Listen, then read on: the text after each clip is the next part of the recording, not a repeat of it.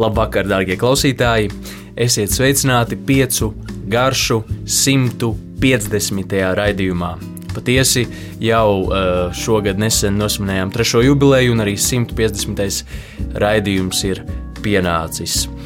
Un šodien uh, šajā, nu, es gribētu teikt, tiešām svētku raidījumā uh, vēlētos pastāstīt par principā tēmu, kur, kurai es esmu pieskāries nu, katrā otrajā raidījumā pavisam noteikti.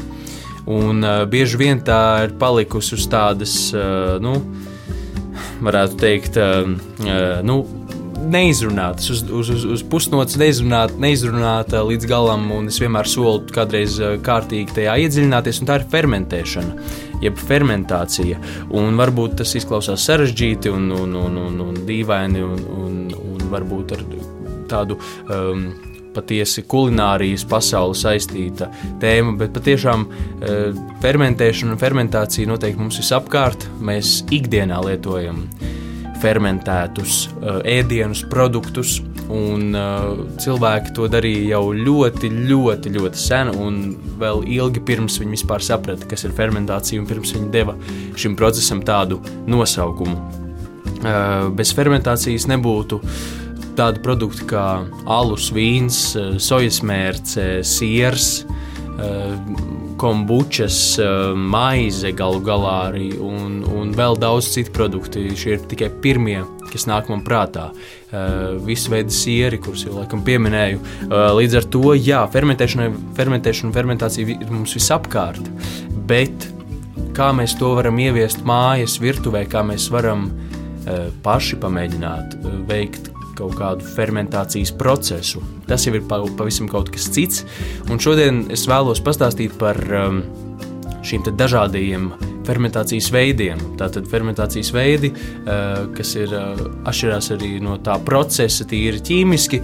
Tajā mēs tik dziļi zinātniski neiesim, bet uh, es tīri pieminēšu tā aptuveni, kas tie ir par procesiem, lai jūs aptuveni saprastu, un pastāstīšu, ko no tā mēs varam uh, veikt mājās. Jo jāsaka, ka fermentā, fermentēšana 21. gadsimtā tā pa īstam ir uh, kļuvusi populāra pateicoties uh, restorāniem, pasaules klases restorāniem, kuri vienkārši saprotot, ka ir jāmeklē jaunas garšas, jauni garšu bloki.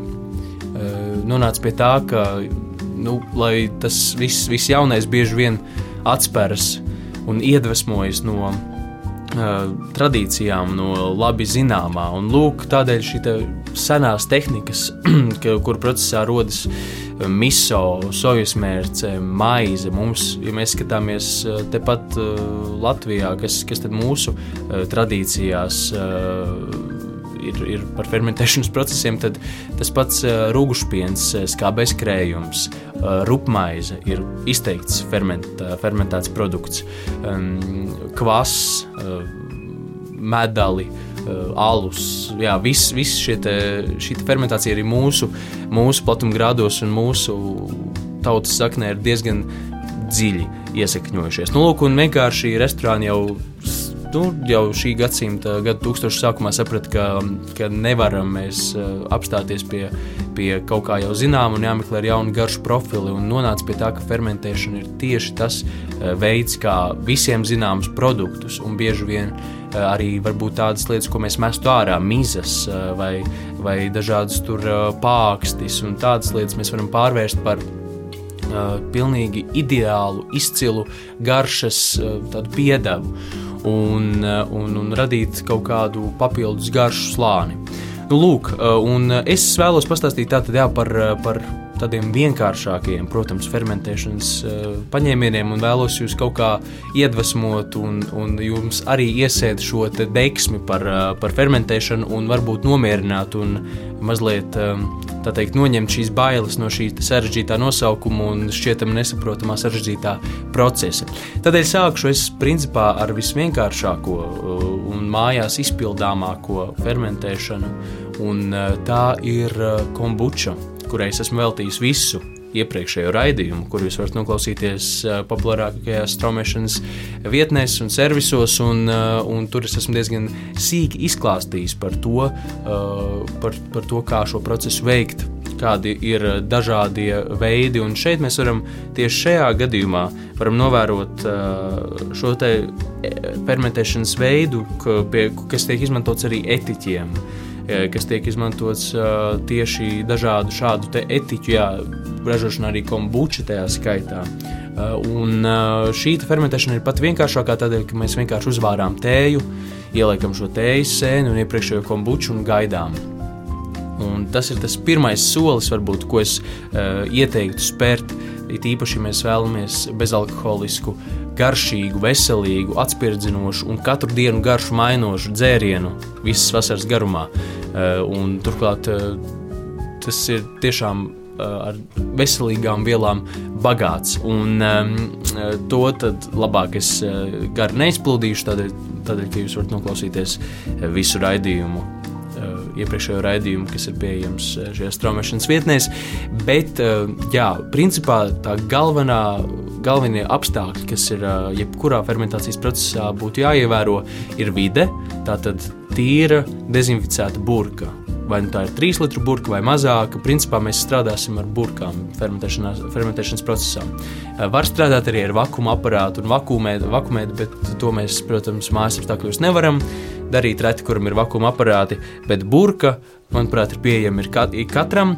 Tad mums ir vajadzīga kaut kāda vide, kur Uh, kurā ir nemainīga temperatūra, nu, protams, nedaudz var pamainīties, bet li nav tāda liela, lielas amplitūdas un tā ir jābūt istabas temperatūrai. Un ir eh, varbūt mūsu laikiem tieši kontrastējošs eh, process, kas eh, šķiet pilnīgi mm, ārprātīgs varbūt kādam. Un, Un vispār, ja mēs skatāmies uz pasauli, tad tas, tas šķiet dīvaini, bet mums vienkārši ir jāgaida neko nedarot, ir jāgaida.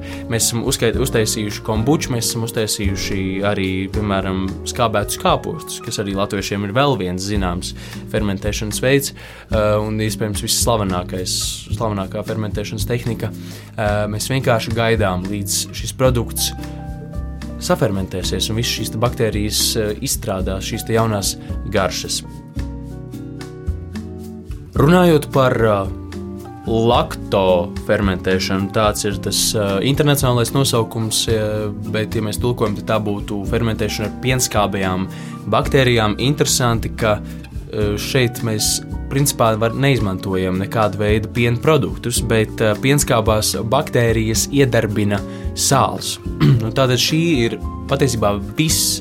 Uh, nu, aiz kombučas es teiktu, šī ir otra vienkāršākā uh, fermentēšanas tehnika, ar kuru uh, mēs varam panākt burvīgus rezultātus. Tā, tā, tā, tā, tas paņēmiens ir tāds, ka principā mēs uh, burkā, tīrā burkā ieliekam produktu. Piemēram, viens no klasiskiem uh, laktofermentēšanas produktiem ir uh, fermentētas plūmes. Plūmju laiks vēl gan ir tālu, bet uh, šis ir tikai piemērs. Tur var izmantot ļoti daudz dažādas ogas, un augļus un dārzeņus.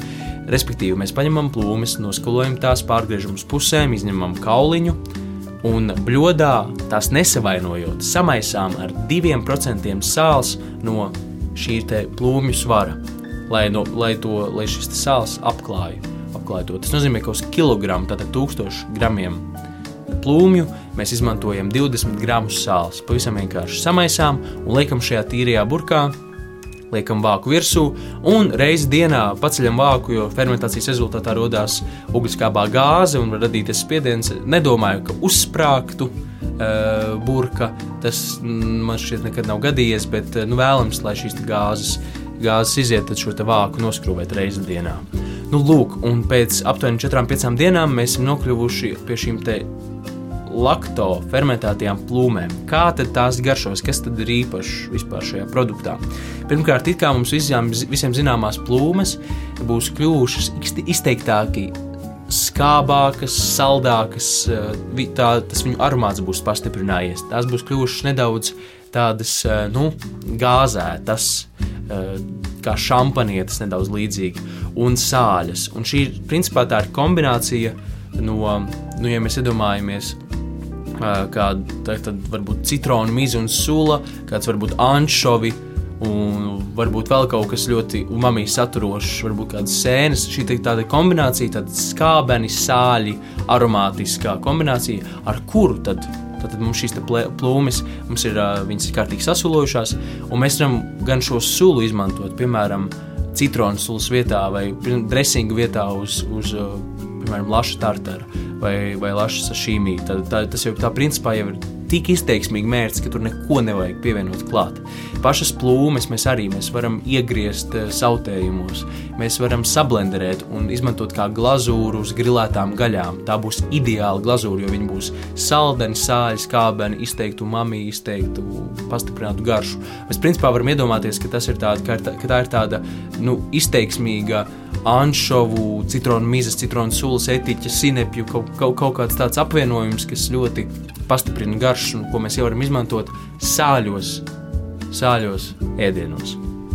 Un tas ir tikai viens piemērs. Tāpat mēs varam darīt ar jebkuru veidu ogām, augļiem, un vidēji tas process prasa aptuveni 5 dienas, un pēc tam mēs to pārliekam leduskapī, burkā. Un, un šeit savukārt leduskapī mēs līdz šim esam uzglabājuši šīs te, piemēram, plūmes istabas temperatūrā, kur tad notiek šis fermentēšanās process. Mēs to pārliekam uz leduskapa. Fermentēšanās process turpinās, bet ļoti, ļoti palēninās no zemās temperatūras, un mēs varam vienkārši lietot. Tāpat, tāpat mēs uh, varam darīt ar dārziņiem, uh, ar dažādu veidu uh, tiešām tie var būt piemēram spārģeļi. Mēs tos varam iepriekš apgrilēt. Tie, tie, tie procesi ir daudz un dažādi, un, un internets ir patiešām pilns ar informāciju par to, kā to, kā to vislabāk darīt, ko darīt, un, un es iesaku tiešām uh, painteresēties. Noteikti, uh, kas vēl būtu jāpiemina, tātad pirmkārt jau laikam vēl viens slavens tādā pasaules kontekstā uh, fermentējums ir kimči, jeb tātad kāposti, kas tiek uh, arī ar sāli uh, un, un, un dažādām garšvielām, asumu, tiek kārtīgi apstrādāti, un tad fermentēšanās procesā viss notiek. Un, un rodas mums šis arī vēl viens piemērs - skābi, sāļi, intensīvo garšu piepildītais produkts, ko mēs varam pavisam nedaudz lietojot izmantot un izmainīt varbūt visa, visu ēdienu vai visas maltītes garšu. Uh, tas ir kā tāds garšas atvērējs, pastiprinātājs.